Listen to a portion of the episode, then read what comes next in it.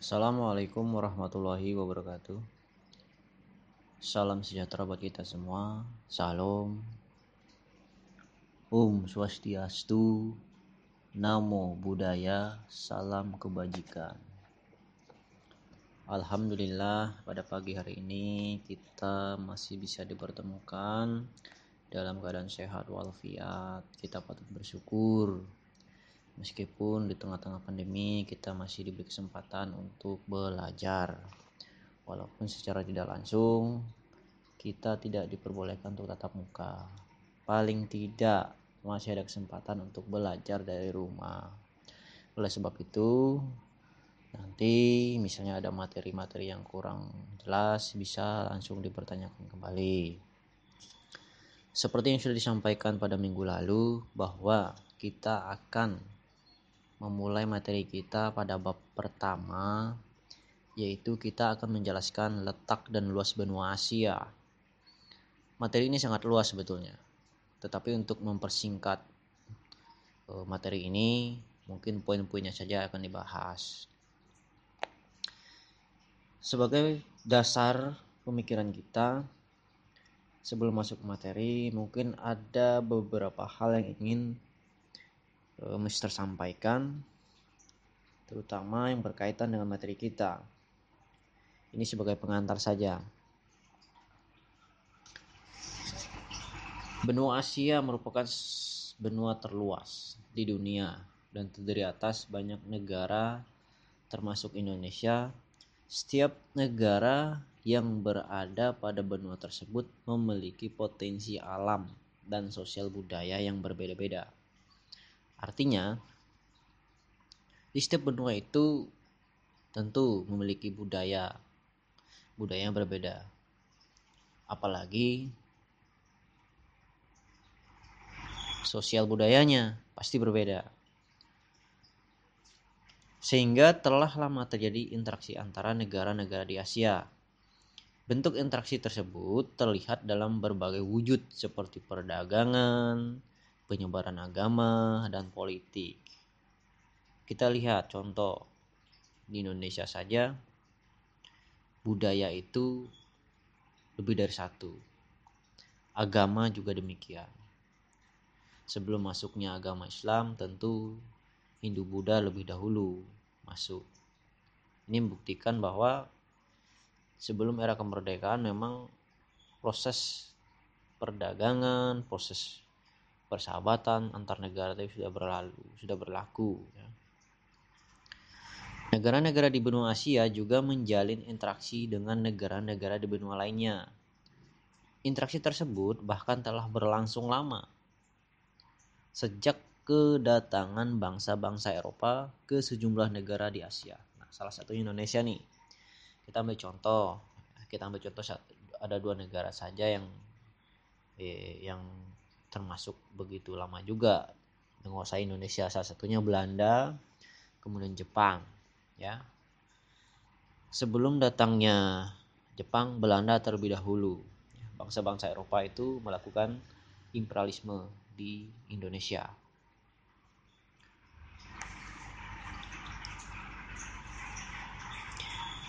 Di manakah letak benua Asia dan benua lainnya?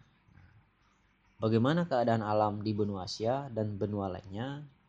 Bagaimanakah pengaruh perubahan ruang dan interaksi antar ruang terhadap keberlangsungan kehidupan ekonomi, sosial, budaya, politik, dan pendidikan di Asia? Untuk lebih lanjut, maka kita akan langsung ke bagian berikutnya. Kalian mungkin sering mendengar istilah benua. Apa yang kalian pahami tentang benua?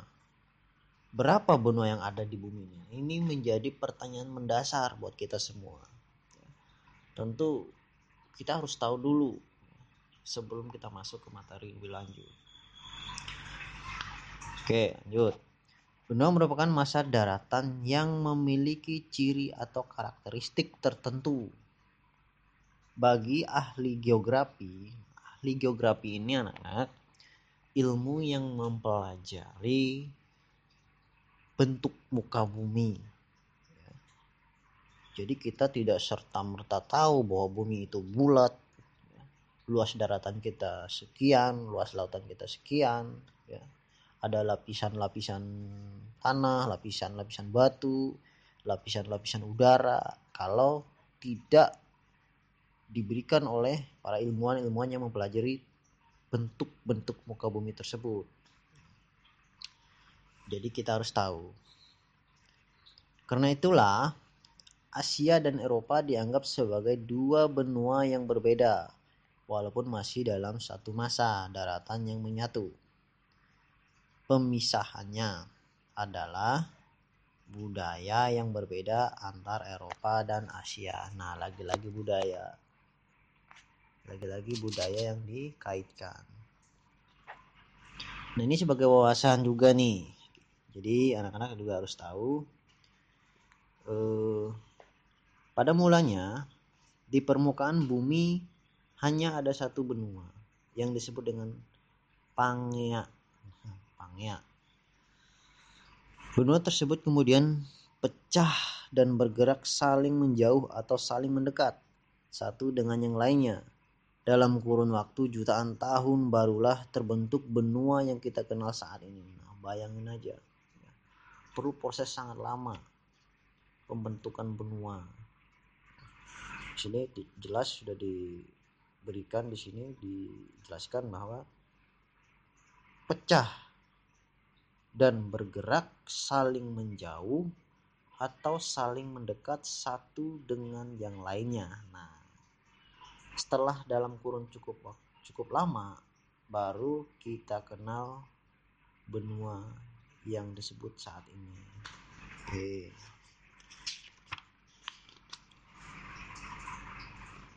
Berapakah jumlah benua yang ada di dunia? Pertanyaan lagi, muncul lagi pertanyaan. Mungkin bisa disimpan nanti pertanyaannya.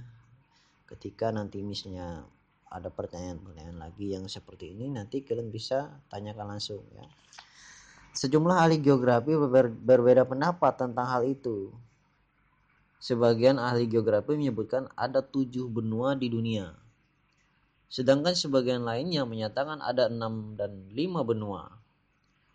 Mereka yang menyebut ada tujuh benua membagikan atas benua Asia, Eropa, Amerika Utara, Amerika Selatan, Afrika, Australia, dan Antartika. Mereka menyebut enam benua membagikannya atas benua Eurasia atau gabungan Eropa dan Asia, Amerika Utara, Amerika Selatan, Afrika Austria, dan Antartika. Mereka yang menyebutkan lima benua membaginya atas Eurasia, gabungan Eropa dan Asia, Amerika, Afrika, Australia, dan Antartika. Namun ada pula yang membagi menjadi lima benua, tapi tidak mengikut sertakan Antartika sehingga benua di dunia terdiri atas Asia, Eropa, Amerika, Afrika, dan Australia. Nah, jadi ini menurut para ilmuwan ya. Pendapatnya berbeda-beda. Dalam buku ini, kalian akan menggunakan pembagian benua menjadi benua menjadi lima benua, yaitu benua Asia, Eropa, Amerika, Afrika, dan Australia. Benua-benua tersebut memiliki kondisi alam yang berbeda. Demikian halnya dengan kondisi budayanya. Nah, ini tentu sangat berbeda. Oke, kita lanjut ke pembahasan berikutnya. Pembahasan intinya yaitu letak dan luas benua Asia. Ini kita harus tahu nih ya.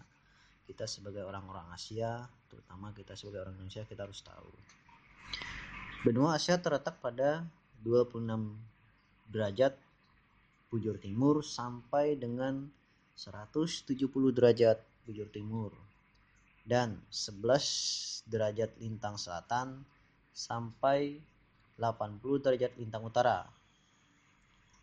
Hampir seluruh wilayahnya berada di belahan bumi utara atau BBU BBU itu kepanjangan atau singkatan daripada belahan bumi utara atau disingkat BBU. Hanya sebagian kecil yang berada di belahan bumi selatan termasuk Indonesia. Batas benua Asia ialah Samudra Arkatik di utara, Samudra Hindia di selatan, benua Eropa, pegunungan Ural, Laut Kaspia, Laut Hitam, Selat Bosporus, Selat Dardanella, Laut Tengah, Terusan Suez, dan Laut Merah di barat, serta dengan Selat Bering dan Samudra Pasifik di timur.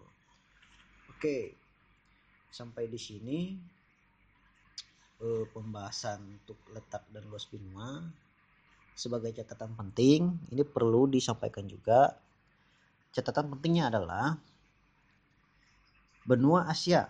Nah, puncak tertinggi Gunung Everest 8000 848 meter. Nah, ini puncak tertinggi. Bagian terendah Laut Mati 394 di bawah permukaan laut. Sungai terpanjang Sungai Yangtze atau 5800 km persegi.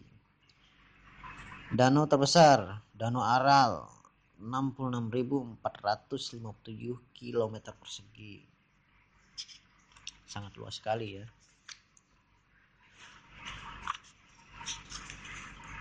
benua Asia merupakan benua terluas. Nah, jadi benua Asia ini eh, salah satu benua yang sangat luas di permukaan bumi.